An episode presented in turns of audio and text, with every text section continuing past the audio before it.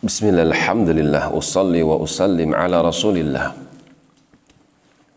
Wa ala alihi wa ashabihi wa man walah wa ba'd. Masih di dalam surat Ghafir atau Mukmin sampai pada firmannya wa qala fir'aun ketika datang Musa alaihissalam kepada Fir'aun dengan membawa bukti yang amat nyata maka dia pun berkomentar Dharuni aqtul Musa. Biarkan saya. Aku akan berikan pelajaran kepada Musa. Saya akan memberikan sesuatu kepada Musa alaihissalam saya akan bunuh dia. Waliyad'u rabbahu. Agar dia minta kepada Tuhannya.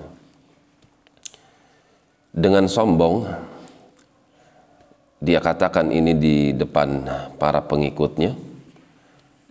Kalau memang dia Musa alaihissalam adalah seorang yang benar sang utusan dari Tuhannya yang menguasai langit dan bumi maka silahkan panggil Tuhannya. Jika dia sanggup memberikan pertolongan kepada Musa karena sungguh aku akan bunuh dia.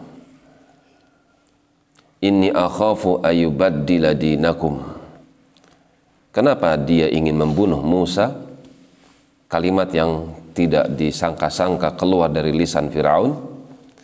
Dia katakan, "Sungguh aku khawatir Musa ini akan merubah agama kalian." Au ayyudhhira fil ardil fasad. Atau aku khawatir kalau dia akan menampakkan kerusakan di muka bumi.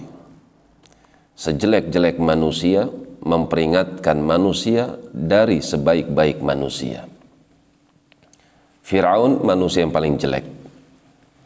Memperingatkan orang-orang Mesir untuk tidak mengikuti sebaik-baik manusia dengan bahasa yang dipoles sedemikian indah. Aku khawatir kalian gak istiqomah. Aku khawatir kalian keluar daripada agama yang telah kalian anut. Dan aku khawatir kalau-kalau Musa alaihissalam akan mengadakan kerusakan di muka bumi. Demikianlah sunnah ketetapan Allah subhanahu wa ta'ala bagi dakwah yang hak di mana ada suatu dakwah membawa kepada kebenaran kecuali di sana terdapat padanya musuh dari kalangan orang-orang yang pandai bersilat lidah. Musa alaihissalam berada di atas kebenaran akan tapi ternyata musuhnya Firaun ternyata orang yang paling fasih bahasanya di tengah kaumnya. Karena itu pelajaran bagi mereka orang-orang yang berjalan di atas kebenaran, mengajak manusia kepada kebenaran untuk bersabar, seperti mereka para nabi dan para rasul berjalan di atasnya. Demikian, wallahu taala alam bisawab.